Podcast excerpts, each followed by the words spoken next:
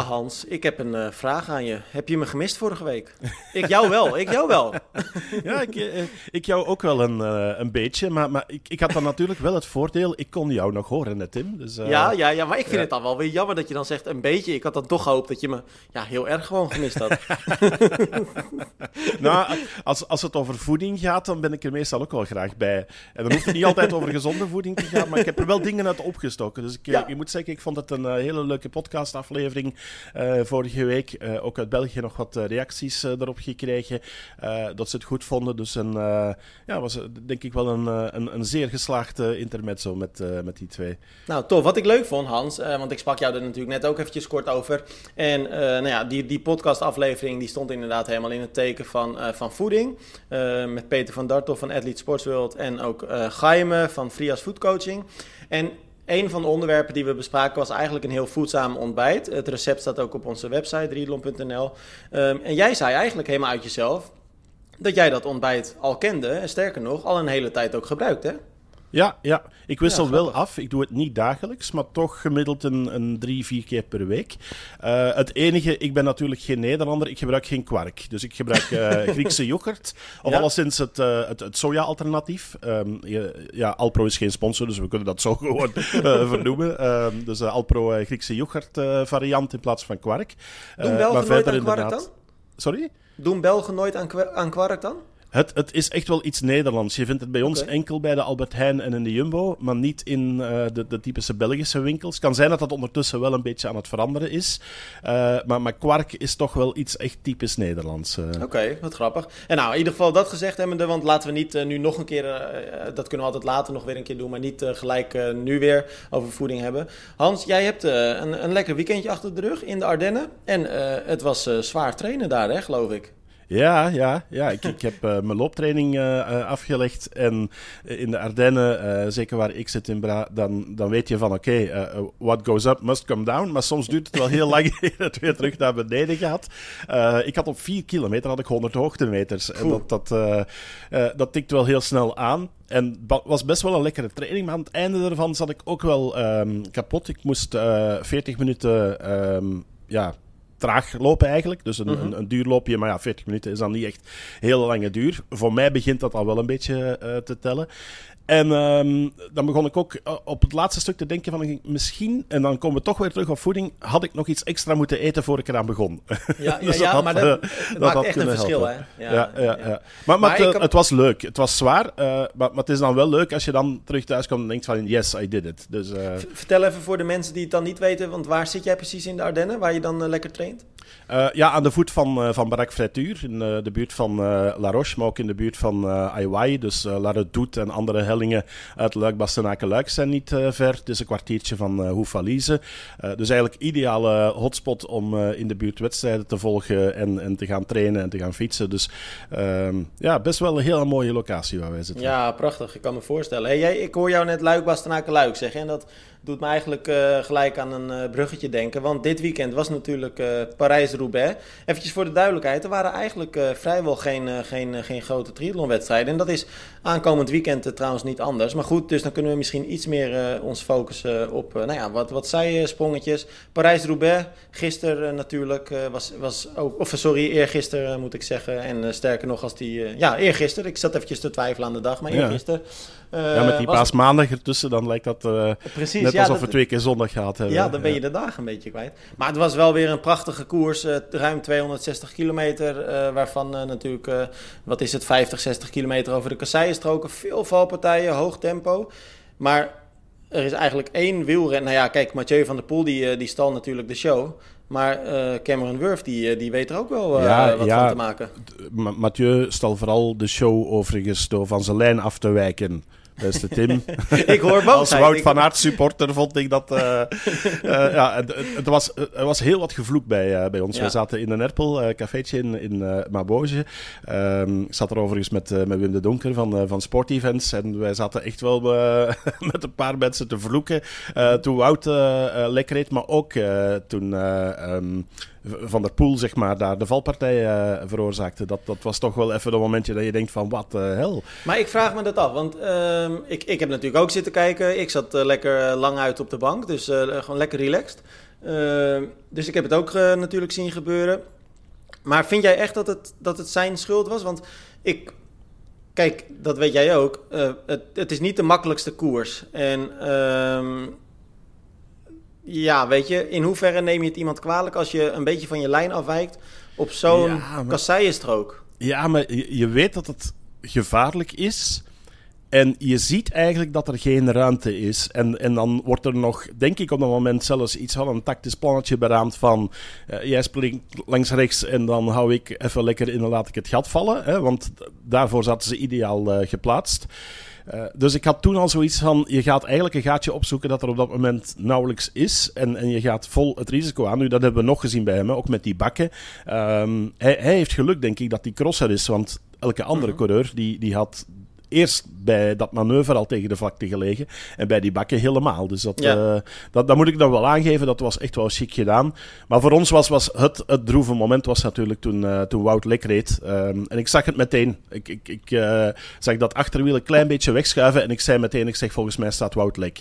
Ja. En, wat, en... wat vond je ervan dat Mathieu toen doortrok? Want er zijn natuurlijk ook wel eens momenten. En dan moet ik gelijk bij zeggen, dat gebeurt in principe niet meer in de laatste 10 kilometer van zo'n belangrijke koers. Maar er zijn wel eens tijden geweest dat er dan eventjes op elkaar gewacht wordt. Uh, dat was nu totaal anders. Mathieu van der ja. Poel uh, trok op dat moment gewoon vol door. Uh, vond je dat chic of niet? Ja, ja ze waren weg. Dus dat, dat, ja. dat kan je hem echt niet, niet verwijten. ook Wout trok overigens door toen Van der Poel dat manoeuvre deed. Dus op, op dat vlak, want dan ben je ook even uit, uit je ja. ritme. Um, dus op dat vlak dacht ik ook van oké, okay, Van der Poel en, en Philipsen die daar wat, wat tegen elkaar aan, uh, aanleunen, de andere die valt. Uh, en dan denkt Wout ook op dat moment van oké, hopla, nu uh, vanaf de kop gaan en, en, niet meer omkijken. En dan, dan reed Van der Poel er nog naartoe. Ik denk wel um, dat, dat Van Aert de beste man in de wedstrijd was, de sterkste. Um, dus ik had het graag tot een duel zien komen. maar ik denk dat hij zelfs erin had geslaagd van alleen op de piste toe te komen. Ja. Het is wat dat betreft voor Van Aert niet helemaal, denk ik, zijn het niet helemaal de weken geworden waarop hij gehoopt had. Natuurlijk vorige week ook, ja, toen echt wel op waarde geklopt. Nu dan uh, met een beetje pech, of ja, best wel heel veel pech eigenlijk. Uh, maar hij grijpt nu steeds een beetje naast de titels natuurlijk. Ook het veldrijden WK, wat ja. hij toen verloor van Mathieu.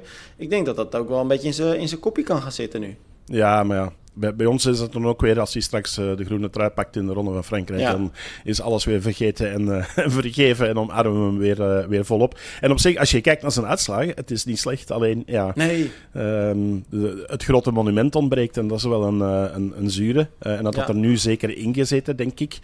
Um, dus ja, ook wel opvallend, zeker ook omdat hij op tubeless rijdt. Want dat vond ik dan ook wel een vaststelling. Hebben wij ook nog een, een, tijdje over zitten palaveren van wat doe je met, met bandenkeuze en, en, natuurlijk ook met uh, veel interesse gekeken naar het systeem van ja? uh, Jumbo-Visma met uh, de druk die ze konden regelen in, in de banden.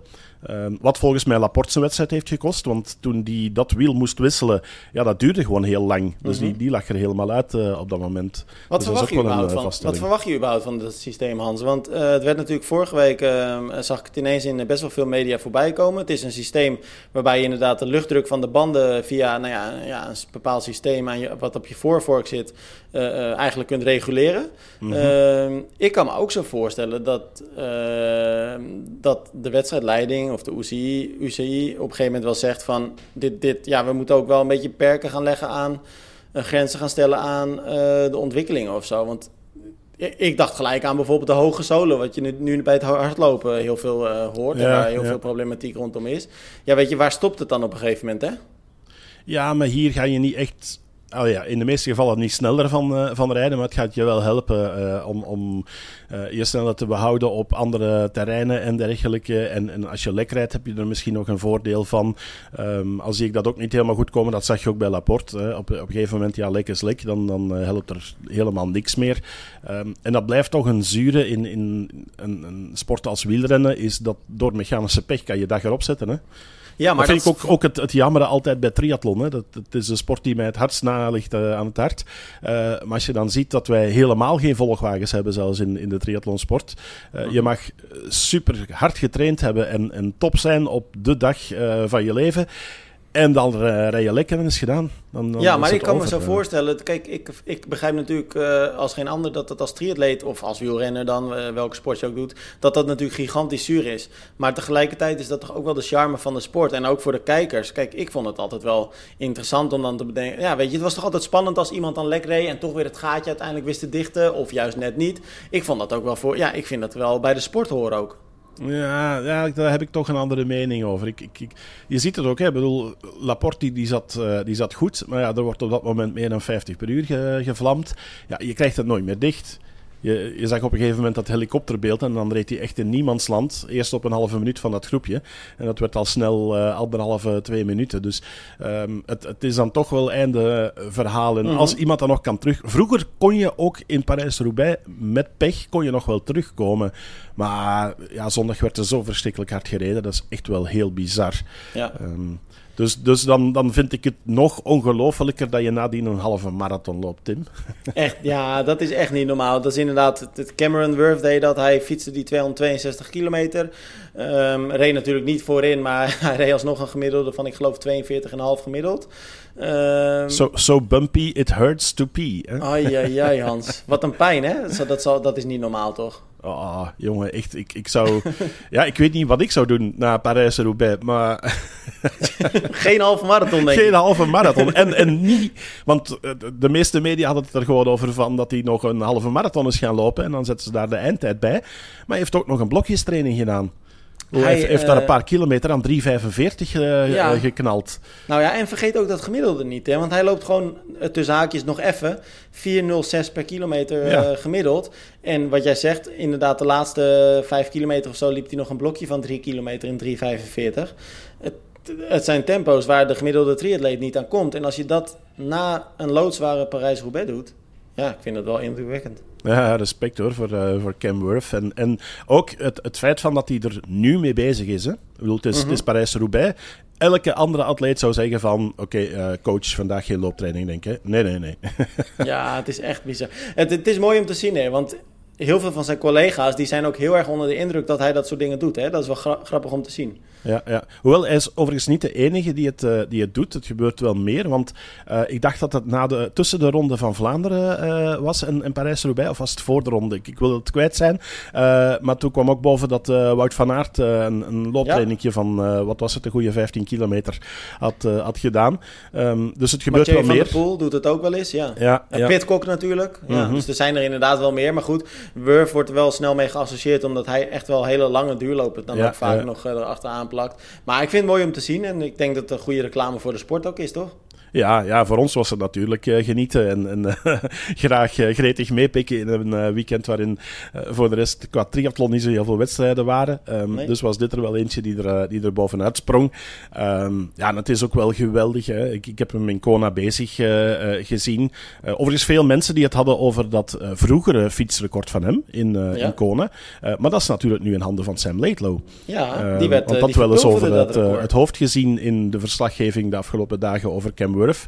Uh, waar, waar, dan de, de, de doorsnee-media, laat ik ze zo even noemen, uh, het verhaal hadden van dat Wurf al het fietsrecord te pakken had in Kona. Maar dat is dus niet langer zo. Want uh, vorig jaar heeft Laidlow er alles aan gedaan om, uh, om Wurf achter zich te houden.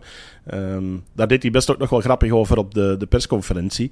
Want hij zei van, ja, ik zat zo in het rood en, en uh, helemaal verzuurd in die laatste ja. kilometers van het fietsen. Hij zei, maar ik wist dat Wurf nog achter mij fietste.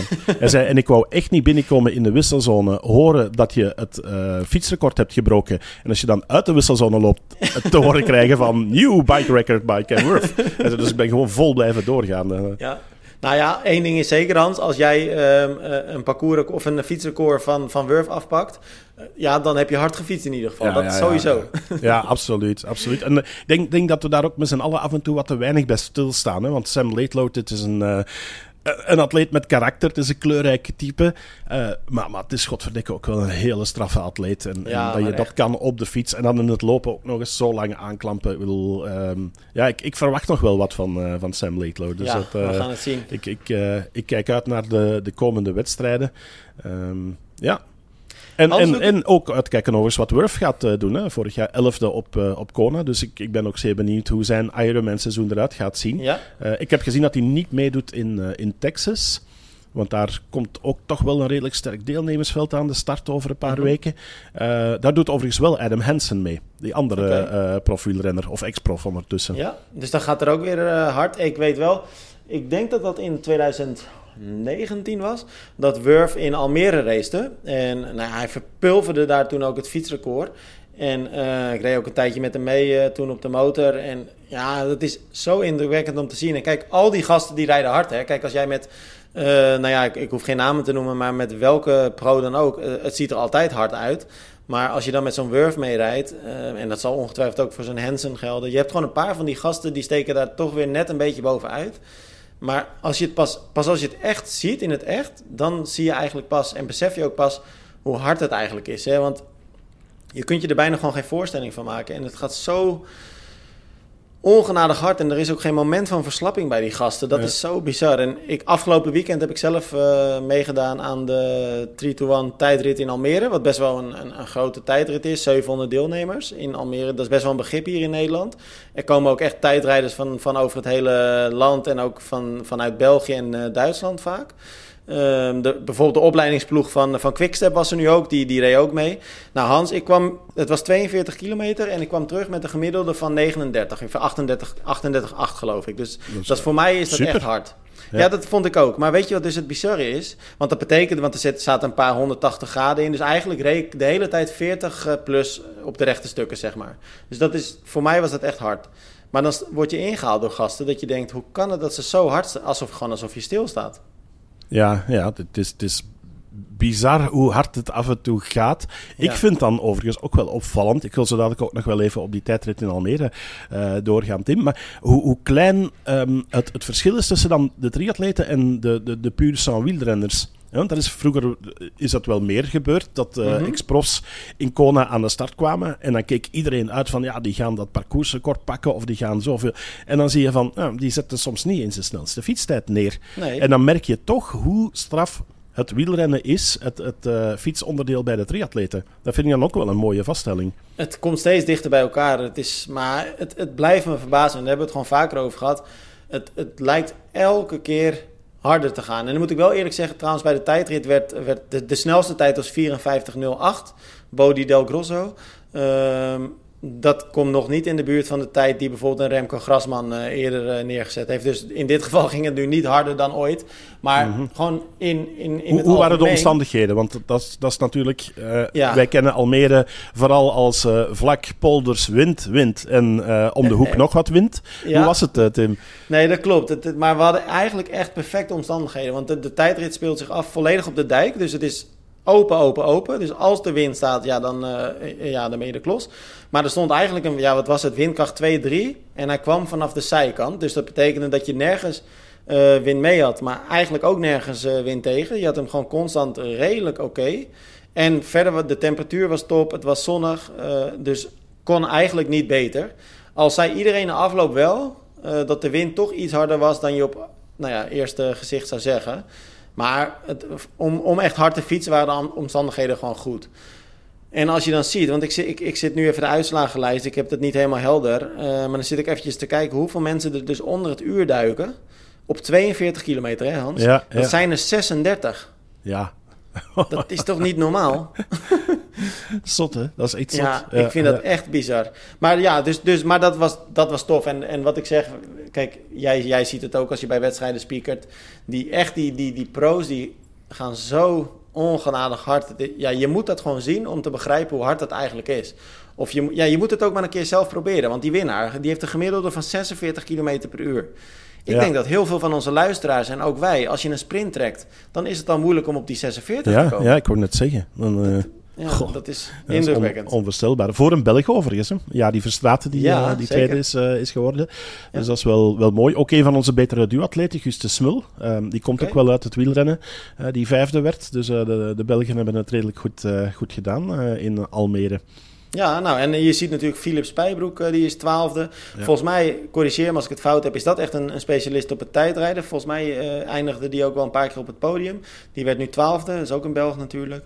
Uh, maar het is altijd leuk, want je ziet altijd veel bekende Belgen terugkeren daar bij de tijdrit. En, en ook zeker veel Nederlanders en, en Duitsers, dus dat is tof. Hans, uh, het was ik, op ik ben overigens even aan het kijken in de mannen 50 categorie. Want ik dacht van ja, ik ga even kijken naar de traagste tijd. Uh, ja. dat is toch nog altijd uh, 1 uur 31. Hard hè? Ja. Toch dus nog, op zich, ja. ja.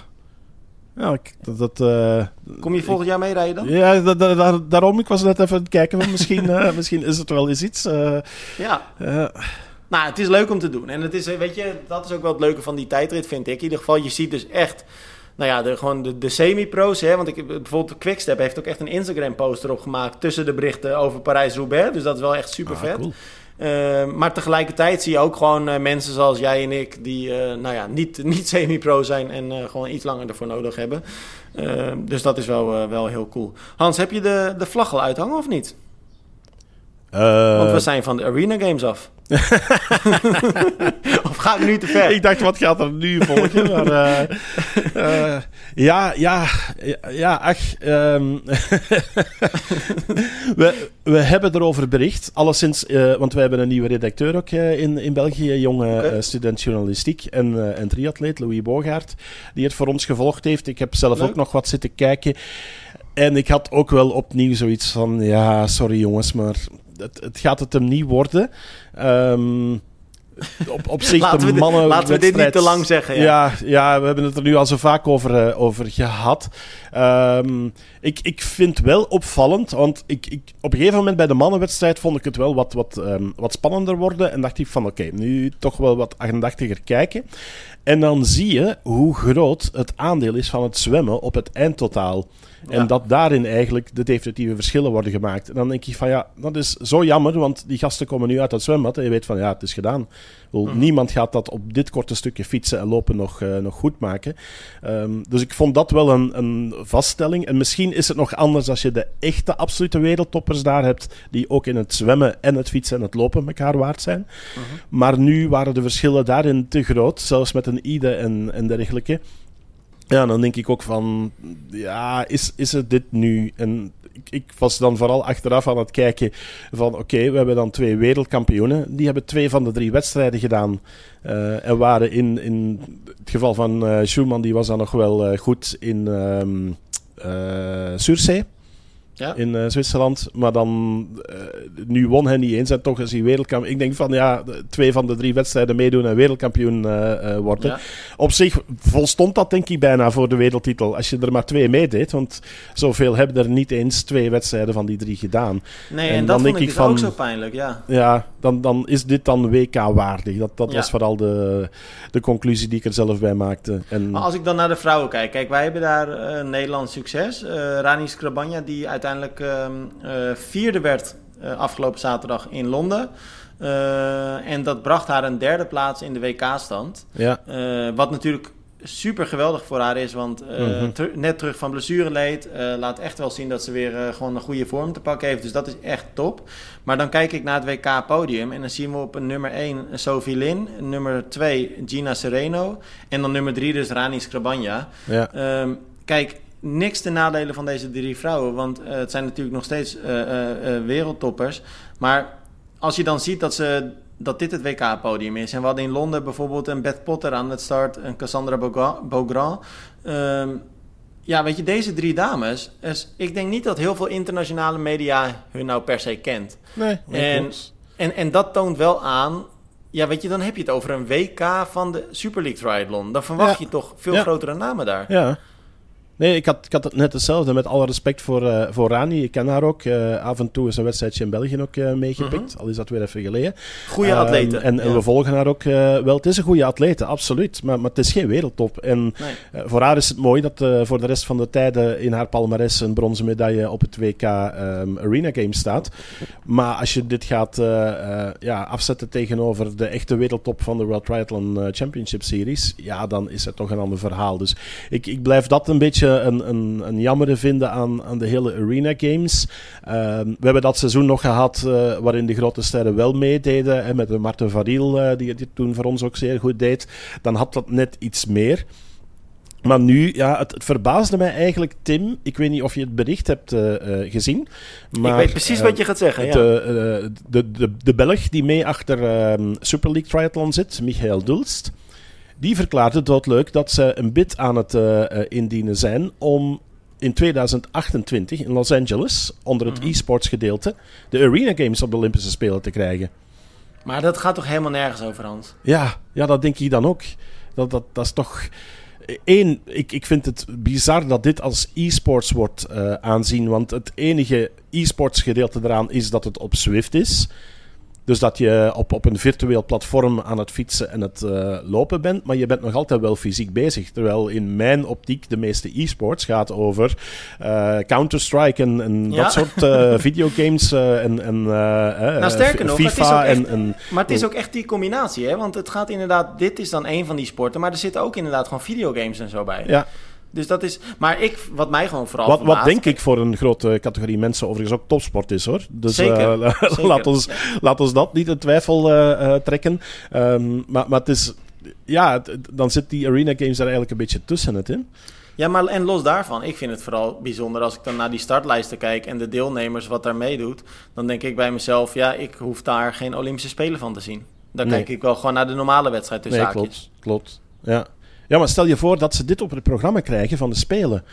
Wil, uh, in, in het topsportplan in België heeft uh, um, de Vlaamse topsportdirecteur uh, Tim Moriot, hè, bijna mm -hmm. naamgenoot, ja. die heeft daarin gezet van dat hij zeker richting um, Los Angeles wil gaan kijken om um, een aantal atleten meer in de aanloop naar de Spelen te hebben om te kunnen focussen op één onderdeel. Ofwel de individuele wedstrijd, ofwel de mixed team relay. Maar stel je ervoor dat er ook nog eens uh, binnen die e-games de arena games bij komen. Ja, wie gaat zich dan op de twee gaan, uh, gaan toeleggen en, en gaan focussen? Ik denk niemand. Nee, dat denk ik ook niet. Wat vond je ervan dat... Uh, nou, sowieso misschien wel breder uh, trekken. Uh, want jij noemde net Michael Dulst, natuurlijk een van de grote mannen van Super League Triathlon. Ehm, Michael is, wat was het? Ik, zal, ik zoek even het artikel erbij. Ehm, begin vorig jaar, 2 maart 2022. Ehm, en, want die man die, die speelde dit weekend ook weer een prominente rol. Leonid Boguslavski, mm -hmm. ook van de Super League Triathlon, een van de co-founders natuurlijk. Um, die uh, reikte de, medailles uit bij het WK-podium. Uh, maar die uh, kwam natuurlijk behoorlijk in opspraak vorig jaar. Ehm, omdat nou ja, World Triathlon met hem onder andere die samenwerking aanging met de Super League Triathlon. Is een oligarch. werd steenrijk toen Rusland van het communisme naar het kapitalisme ging. Ehm, nou, dat oligarchen die hebben natuurlijk niet de beste reputatie. -hmm. Wij schreven daar toen een artikel over, want dat werd best wel groot nieuws. En uh, toen kreeg ik een uh, woedende Michael Dulst op mijn dak. Uh, dat het artikel offline moest, want het was geen oligarch en nou ja, het was allemaal prima. nou ja, artikel natuurlijk niet offline gehaald. het was gewoon nieuws, alles klopte. Uh, maar dat was ook nog wel een dingetje. Wat vind je ervan dat hij nou nog steeds een grote rol speelt? Die, die ja, hij, hij, heeft er wel afstand van, uh, van genomen. Hij noemt zich ook ex-oligarch. Uh, ja, maar hij heeft er zijn kapitaal mee verdiend, Hans. Ja, ja dat wel. Dat wel dat, dat, maar, maar hij zet nu dat kapitaal wel in voor de triathlonsport. Dus dat, het is een beetje ja, een... Hans, maar niet een, 5 miljard. Hè. Hij heeft 5 miljard verdiend. ja, ja, ja, I know. Het, het, is, het, is, het is een lastig politiek verhaal. Nu heeft zich wel vierkant afgezet tegen, tegen Rusland en tegen... Um, de, de politiek van, uh, van Poetin en tegen de oorlog in, uh, in Oekraïne. Uh, dus hij heeft zich daar wel van gedistanceerd. En ik denk dat er zo nog zijn. Dus ja, het, het is een, een, een moeilijk verhaal. ja, maar Hans, als je dan, jij zegt een moeilijk verhaal. Maar als je nou naar World Triathlon kijkt, die um, weigeren Russische atleten deel te laten nemen aan de wedstrijden. Mm -hmm. Maar ze gaan wel een samenwerking aan met deze oligarch. En ik kan niet wel zeggen dat hij een ex-oligarch is, maar je kan geen ex-oligarch ja, zijn. Ik ja. bedoel, hij heeft gewoon zijn kapitaal. Ja, het gaat een beetje, denk ik, over het gedachtegoed en, en ja. welk standpunt je inneemt en, en welke kant je kiest. En... Ja, ja, maar ja, het is ook wel heel veel dollars. Hè. Ja, ja en, precies, en dat voor is geld danst de beer en dat, dat zien we in alle sporten. Dus uh, dat, is een, dat is een lastige. Ja.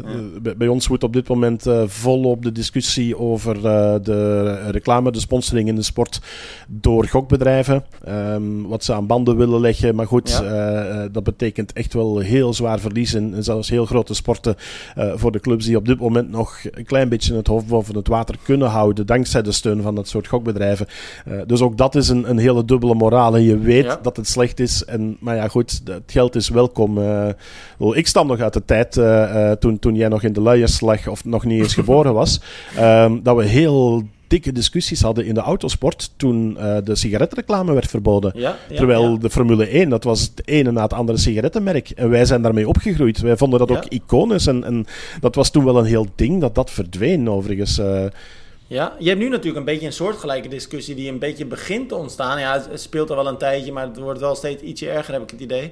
Over eh, de, de fast fastfoodketens, hè, die, de, die vooral bij het, bij het voetbal heel prominent op de, op de boardings en zo staan. ja. Eh, wat natuurlijk ook niet per se een goede associatie is met de sport. Nee, nee ja, bij ons is eh, Remco Evenepoel eh, het uitgezicht van de Pizza Hut. Oké, ja. Gisteren nog een reclame van, eh, van hem gezien.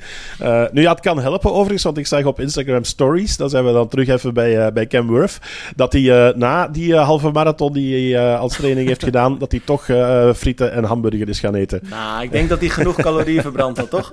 ja, ja, dat, eh, dat absoluut. God, maar man. het zijn wel lastige discussies. Want wat jij zegt, tuurlijk, eh, waar het geld zit, eh, dat geld kan je ook goed gebruiken om de sport vooruit te helpen. Alleen qua Rusland, dan vind ik het een beetje raar dat je atleten gaat weren. Maar dan omdat iemand rijk is, dat je hem dan maar een kans geeft om wel eh, een rol te laten spelen. Eh, en, en al helemaal, als je dan vervolgens een andere hoge, hoge pief bij de SLT, een Super League Triathlon, dan heb ik het dus over Michael Dulst, die dan gigantisch boos reageert Ja. over dat je niks mag schrijven daarover. Dat vind Mhm. ik eigenlijk wel het, het, het, het grootste probleem nog. Ja, ja, ja, ja, ook daar heb je wel een punt. Dat, eh, ja, weet je, je, weet ook, denk ik, op dat moment als organisatie dat het er zit aan te komen. En het zal ook nog wel een, een, een- eerste aanzet geweest zijn tot damage control. Maar uiteindelijk was het out there en, en hebben verschillende media het opgepikt. Ja. Eh, en, en kan je er weinig tegen doen. Eh, ze hebben toen een paar grote interviews gegeven waarin ze hun standpunten hebben, hebben verduidelijkt. Hij was sindsdien niet echt meer in de schijnwerpers geweest tot nu in Klopt. Londen overigens. Eh, want dat viel Dat- me dan wel inderdaad Ja. weer, eh, weer op. Dus eh, misschien dat hij zoiets Ja. had van, ja, we hebben nu een grace period gehad, nu heeft niemand er meer over. eh, en dan beginnen wij erover. Ja. En wat, wat, wat, wat ik misschien nog eventjes moet verduidelijken. Kijk, ik denk het mijne van. Maar ik vind het helemaal prima als die man een, een rol speelt. Als hij inderdaad daar nu afstand... Kijk, iedereen kan veranderen, hè? begrijp me Mhm. niet verkeerd. En daarnaast moet ik ook eerlijk zeggen... als die man gewoon de kans heeft gehad om rijk te worden... dan eh, zou ik het hem... ook niet adviseren om dat niet te doen. Ehm, ik vind alleen dat als je dit soort mensen de ruimte wil bieden, dan moet je ook niet zo, zo naar de bühne toe zeggen dat je geen Russische atleten wil, wil, wil hebben Ja. bij je wedstrijd. Want zij kunnen er al helemaal niks aan doen. Nee, dat is waar. Daar heb je ook wel een, eh, wel een punt. Ehm, ja, weet je, het jammer is, eh, in, in sport zou politiek niet mogen spelen. Maar, maar goed, Ja. dat, dat, het- dat is toch altijd zo. En, en je hebt dat met Noord- en Zuid-Korea. Ehm, je, je had vroeger dan eh, atleten die zeiden van... oké, wij doen niet mee aan de Olympische Spelen als... En ja, weet je, eigenlijk is dat bullshit. En, en zou je gewoon moeten zeggen van... eh, eh, de sterkste atleten ter wereld moeten daar gewoon zijn. Ehm, ongeacht Eens. van, van welk land je bent en, en welk geloof je hebt en, en voor welke politiek je staat. Ehm, Vind dus ik ook, dat, ja. ja. Over politiek gesproken, een klein bruggetje dan. Ehm, daarbij gelijk ook eventjes de kanttekening maken dat we de podcast van volgende week misschien, nog niet helemaal zeker, maar misschien één dagje later één keer online zetten. Want Hans, ik vlieg maandag naar Taiwan. Ehm, en ik ga eh, daar dus de Challenge Taiwan eh, bekijken. Eh, over twee weken voor nu dan, vanaf nu. Ehm, maar daar gaat het ook nu natuurlijk, daar is het ook weer flink aan het rommelen tussen China en Taiwan. Dus dat zou ook nog zomaar een dingetje kunnen worden. Ja, ja, klopt. Daar had ik nog niet bij stilgestaan. Ja. Ja, Ik, ik, las net, eh, ik zat net de ochtendkrant eh, te lezen en er stond ook weer een, eh, een, een vrij groot beschouwend artikel over de situatie en de, de, de, de legeroefeningen die China daar nu heeft uitgevoerd drie dagen lang. Ik heb eventjes ook contact gehad met, met de organisatie van Challenge Taiwan en die geven eigenlijk aan van... eh, ja, het is nu heel groot in de media, maar eigenlijk zijn we dit heel erg gewend. We maken ons totaal geen zorgen daarover. Eh, maar het is wel iets wat natuurlijk een beetje sluimert. En het lijkt een, Ja. beetje, het lijkt een beetje koude oorlogtafereel eigenlijk wat dat betreft. Eh, die angst zit daar natuurlijk wel. En ehm, hoe, hoe, hoe zit het bij jou? Ik, ma ja, ik maak me daar heel eerlijk gezegd niet zo heel erg zorgen over. Ehm, ik ben ook wel redelijk nuchter. Maar ja, kijk, het is niet het meest ideale scenario natuurlijk. En je hoopt toch, los van het feit dat je natuurlijk voor die mensen daar hoopt dat het gewoon altijd rustig blijft, hoop je voor jezelf ook wel dat het eh, sowieso rustig blijft als je daar bent. Want het zal je maar gebeuren dat daar net een oor- oorlog uitbarst op dat moment. Maar ja, ik maak me daar niet zo heel veel eh, zorgen over. Ik, ik heb vooral heel erg veel zin om die wedstrijd te zien. Challenge Taiwan is natuurlijk Uh, niet per se een hele bekende wedstrijd, omdat er niet heel veel bekende profatleten vaak uh, starten. Maar het is een van de grootste challenge-wedstrijden uh, van, van het merk. En ehm, even groot als Challenge Rood bijvoorbeeld. Er staan 7000 atleten ieder jaar aan de start. Binnen, binnen een paar minuten ook volgens mij uitverkocht altijd. En ja, dus ik ben heel erg benieuwd. Ik heb er heel veel zin in om, om die wedstrijd te zien. En ehm, het wordt, dat wordt sowieso een prachtig weekend, want je hebt ook Challenge Gran Canaria. Ik denk dat Texas Ironman ook is dat weekend, of niet? Ja, ik dacht van wel. Ja, ja ik, ik zal dat heel ja. Ik kijk er naar uit dat, dat, we dan een weekend vol wedstrijd hebben. Want volgend weekend is het dan net wat, uh, wat rustiger. Ja. Um, en, en dan in tussentijd krijg je alleen maar minder leuk nieuws te horen, heb ik de indruk. Want ik, ik uh, wou voordat we, ik denk dat we deze niet helemaal uh, super lang moeten, moeten maken bij gebrek aan wedstrijden. maar bijvoorbeeld Christian Bloemenveld, ehm, zijn video afgelopen week. En het feit van dat hij zegt van ik ga niet niets doen dat vond ik wel even een, een heel opvallende. En eigenlijk toch nog redelijk vroeg op het seizoen, hè, Tim? Ik moet heel eerlijk zeggen, Hans, ik uh, ben bang. En het gebeurt, geloof ik, niet vaak, hoop ik. Maar dat ik die video helemaal gemist heb. Dus uh, je moet me even op de hoogte brengen dan. Oké, ja, wij, wij, hadden er bij ons over, uh, over gepost, het, uh, het verhaal. Hij heeft een, een lange video gepost over dat niet alle trainingen even goed gaan. Dat was best okay. weer ja, typische Lionel Sanders post, maar deze keer wel heel eerlijk. En, en dat hij het lastig heeft, meer downs dan ups dit, dit seizoen. Um, en hij heeft dan ook zijn, zijn wedstrijdplanning wat te kennen gegeven. En daarin staat geen WK Nice. En hij geeft zelf ook aan dat hij gaat focussen op het uh, wereldkampioenschap 70.3. Omdat hij, denk ik, op zichzelf nu vindt dat hij te lang al. Uh, of, of, dat de achterstand op de anderen al te groot is. Ik zal het zo uh, verwoorden. Dat is inderdaad um, vrij voor. En dat hij zich dan beter kan gaan richten op, op de halve um, titelstrijd dan, dan, dan op Nice. Dus dat vond ik wel een opvallende. En, en zeker dat hij dat nu in, in april eigenlijk al zegt. Nu goed, Nice ligt natuurlijk in september. een stukje vroeger dan normaal gezien Kona. Dus ik, ja, ik vond het wel een, een, een vreemde. Ja, het is inderdaad opvallend. Ik, ik geloof dat Lionel Sanders trouwens precies hetzelfde deed, toch? Die gaat ook alleen de halve nu, het WK halve pakken. Ja, ja dat, dat, het is over ja. Sanders dat ik het heb, hè. Uh. Oh, sorry. Ik dacht dat je het over Bloemenveld had. Nee, nee, nee, nee. Lionel Sanders. Oh, dan ben ik... Ik wou al zeggen, want ik zat, echt, ik zat ook echt te denken van... Wat heb, hoe ja. kan ik dat, dat gemist heb? Nee, oké, okay, precies. Maar dan, dan, heb ik het, dan zaten we eventjes langs elkaar heen te praten. Uh, van Sanders heb ik het inderdaad gezien. Maar dat is inderdaad... Uh, het, ja, heb ik nou Bloemenveld ook... gezegd? Nee, toch? Ja, je zei net Bloemenveld volgens mij, hoor. Ja. Oké, okay, ja, ik, ik, ik, ja, nou, vreemd. nou, maakt niet uit. Maar dan, dan is het in ieder geval ook... Mocht je het wel verkeerd gezegd hebben en anders heb ik het verkeerd geluisterd. Maar het gaat dus om Lionel Sanders. Ja. Uh, Oké, okay, maar, dan, maar, dat, maar dat wist ik inderdaad. Heeft natuurlijk ook niet per se um, het makkelijkste jaar dat je als profatleet kan hebben. Net vader geworden, ja, dat verandert natuurlijk ook het een en ander wel um, uh, nou ja, in, je, in, je, in je ritme op zijn minst. Uh, dus ik kan me ook wel voorstellen dat hij um, ja, een beetje moet schakelen. Aan de andere kant, ik denk dat Lionel Sanders op de, op de, op de hele beter uit de verf komt dan op de halve. Want hij wordt natuurlijk ook ouder. En die echte topsnelheid ga je wel missen dan. Ja, ja, dat klopt ook nog eens. Dus dat, dat het gaat het er niet gemakkelijker op maken de komende tijd. Nee, nee. Want ik, ik zat namelijk te kijken, want de PTO heeft nu ook weer de... Ik geloof dat ze dat de Mysterious Pro of Mysterious Guest of zo noemen. Um, die doet dan voorspellingen voor hun hè, van de profwedstrijden. En die uh, keek vooruit naar de PTO uh, Open of European Open op Ibiza. Um, en de vraag was, ja, wie gaat hem pakken? Wordt, wordt dat een van de, de twee Noren? Of wordt het Frodeno? Even ervan uitgaande dat het überhaupt een van die drie gaat worden. Want het kan natuurlijk ook iemand anders worden. Maar die, uh, die uh, Mysterious Guest die zei... Ik denk dat het uh, een van de Noren gaat worden.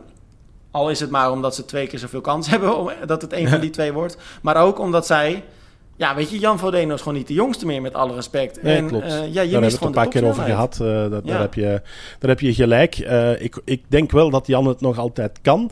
Um, ik geloof ja. overigens niet dat Eden daar keihard gaat meedoen voor de overwinning. Um, want die liet dan weer na de Arena Games optekenen van dat hij zich terugvoelt op de korte afstand. Um, dus ik, ik denk dat hij nu wel het gevoel van de snelheid weer te pakken heeft. En, en dat niet gaat willen afbotten door te, te gek te doen in, uh, in Ibiza. Vind ik ook wel een interessante uitspraak dan. Want daar hadden we het volgens mij vorige, of ja, die week voor vorige week, dus over twee weken geleden. Um, Eden zegt dat dan wel, maar hij was natuurlijk in Abu Dhabi uh, uh, niet goed. Zat echt mm -hmm. ver van achteren. Um, Ja, maar, Maar hij, gaf, hij gaf mij nu wel een goede indruk, Tim. in Ja, nu was hij wel weer sterker. Hè? Ja. Had natuurlijk twee penalties ook te pakken. Ja, Eén omdat zijn vliegtuig was vertraagd. En eentje, ja, eigenlijk, ik weet niet waar hij die tweede nou voor kreeg tijdens de wedstrijd. ja had hij naast eh, de, de bak gekieperd. eh, Oké. ik, ik weet niet, ik denk zwemba- eh, zwemmuts of zoiets, of zwembrilletje. Ja, Of, eh. Nou ja, dus, eh, dus maar goed, interessant. Beginnersfoutje. Ja, ja, ja het, het gebeurt zelfs de best, Hans. Eh, eh, wat, wat vond jij overigens over die penalty? Eh, die eerste dan die hij kreeg, om, omdat hij de briefing miste. Hij gaf zelf Ja. aan van, eh, dat, dat hij eigenlijk wel een beetje op goed geluk had gespeeld door een late vlucht vanaf zijn hoogste stage te boeken. En dan had hij vertraging. Ehm, maar goed, ja, hij was te laat. Ja, ik vind het terecht. En en ehm, ik kan me heel goed voorstellen dat er mensen zijn die zeggen... Ja, jongens, kom op, overmacht, dit en dat. Maar ik bedoel, als jij of ik te laat komt op je werk... eh, hè, dan, dan heb je ook gewoon op een gegeven moment een probleem. En ehm, dat is hier gewoon niet anders. En je weet het gewoon, je moet gewoon op tijd zijn... Eh, hij heeft zelf de keuze gemaakt om een laat, eh, late vlucht te nemen. Of tenminste, ko- kort op de aankomst, zeg maar. Ja, dan weet je dat het fout kan gaan. En als je dan te laat bent, ja, eigen verantwoordelijkheid, toch? Ja, nee, klopt, klopt. Dus, Neem niet weg dat het nog steeds een interessante discussie blijft. Ehm, eh, ja, weet je, moeten, moeten atleten nou per se om een bepaalde tijd zich ergens melden? Of kun je dat ook een beetje loslaten bij de profatleten? Maar ik denk dat het wel ergens goed is om dat een beetje strikt te houden. Ja, voilà. En ik, ik vind het dan ook goed dat ze eh, zelfs bij Eden die penalty geven. Dat ze niet zoiets hebben van, oké, Ja. het is de grote meneer Eden, dus laten we het maar door de vingers zien. Dus dat, eh, dat vond ik wel een goeie. Hij kon er ook nog wel om lachen, toch? Ja, ja, ja, absoluut. absoluut. Dus eh, ik denk Nee, ook niet dat die vijf seconden het ging maken. Dus, eh, Nee, dat denk ik ook niet. Eén vraagje daarover nog en dan eh, laten we hem inderdaad stoppen voor vandaag. Want weinig wedstrijden te bespreken. Ehm, eh, maar hierover nog gesproken. Je, je- dat ken jij ook als speaker. Je hebt van die persconferenties waar de profatleten dan verplicht moeten aanschuiven. Hè? Komen ze niet. Ja, echt? nee, toch? Nee, absoluut niet. Absoluut niet. Eh, maar hoe, hoe moet je dat oplossen, Hans? Ja, dat is er, er is niet echt een oplossing voor, hè? Goh, ik, ik weet het niet. Weet je, het, het zou interessant zijn als het echte persconferenties zijn. In Kona heb je dat wel. Dan heb je wat pers bij elkaar, eh, doen de atleten een, een uitleg en dan is er de ruimte om vragen te beantwoorden. Maar ik zie vaak bij internationale wedstrijden dat zo'n persconferentie meer iets is van ja, dat moeten we erbij doen. Er is nauwelijks pers bij. De vragen zijn altijd hetzelfde. Ja. Ehm, en dan denk ik van ja, da- daar leer je niet zo heel veel uit. En, en ook als je dat moet presenteren, zo'n persconferentie, ja, het is geen geschenk hoor. Want ja, eh, je moet elke keer weer ongeveer diezelfde vragen gaan stellen aan die mannen. Ja. En, en, en je ziet ook aan hun gezicht dat ze er zelf ook niet op zitten te wachten. Dus eh, ja, je kan ook gewoon zeggen part of the job, toch? Ja, ja, I know. Maar, maar goh, weet je, het is echt pas part of the job als, als er iets leuks ontstaat en, en er een, een kritische vraag komt of zoiets en waar wat discussie eh, over komt. Maar als je daar zit en je weet van oké, dit had ik eigenlijk gewoon even in een statement kunnen typen en eh, doorsturen. Ja, nee, Dat was net zo 100% gemakkelijk. eh. Maar ja, wat vond je dan, dat vind ik dan nog wel een interessante. Wat vond jij dan van die, ik geloof dat dat bij de Collins Cup was, dat de PTO die, die persconferentie deed. En dat ze dan vragen gingen stellen als eh, pizza of patat. Of Ja, actiefilm nee. of liefdes, Ja. eh, come- romantische komedie. Ja, dat is, dat is wel helemaal verschrikkelijk, Ja, toch? misschien eh, lukt dat bij een jonger publiek. eh, dus we zouden het misschien eens aan wat jongere mensen als onszelf moeten, moeten vragen. Maar nee, nee dat, dat vind ik dan weer... Ja, nee, nee, nee. Alright. nou Hans, eh, laten we hem stoppen, want dit gaat eh, weinig over Ja, triathlon nog. ja, daarom. ik Eh, ga aan de pizza straks, eh, niet aan de patat. Eh dus bij ons al nee. friet. Goed ontbijten, hè? daar hadden we, daar begonnen Ja, we de aflevering al mee. Dus Hans, was leuk je weer even te spreken. Volgende week, ehm, nou ik zeg het nog eventjes één keer voor de zekerheid, kan het dus zijn dat de podcast een dagje later online komt op woensdag. Als er dan nog zo- internet is in Taiwan en zo. Hè? Ja, dat zal, dat zal wel goed komen. Maar het zou ook kunnen dat we hem toch op dinsdag zetten. Maar nou ja, neem het ons dus niet kwalijk als we misschien een keer een dagje later zijn. Ehm, en dan, eh, gaan, dan gaan we vooruitkijken op wat echt een, eh, een prachtig weekend wordt. Want ik Ja. heb het ondertussen even gecheckt. Eh, Ironman Texas vindt dan ook plaats. Dus dan hebben we echt nou ja, drie gigantisch grote wedstrijden. Ja, bij ons En, begint het seizoen dan ook stilaan. Dus dan Ja, hebben tof. we meer dan stof genoeg. Dus ik zou zeggen, heel veel plezier in Taiwan straks. Thanks Hans en ik spreek je volgende week. Yo.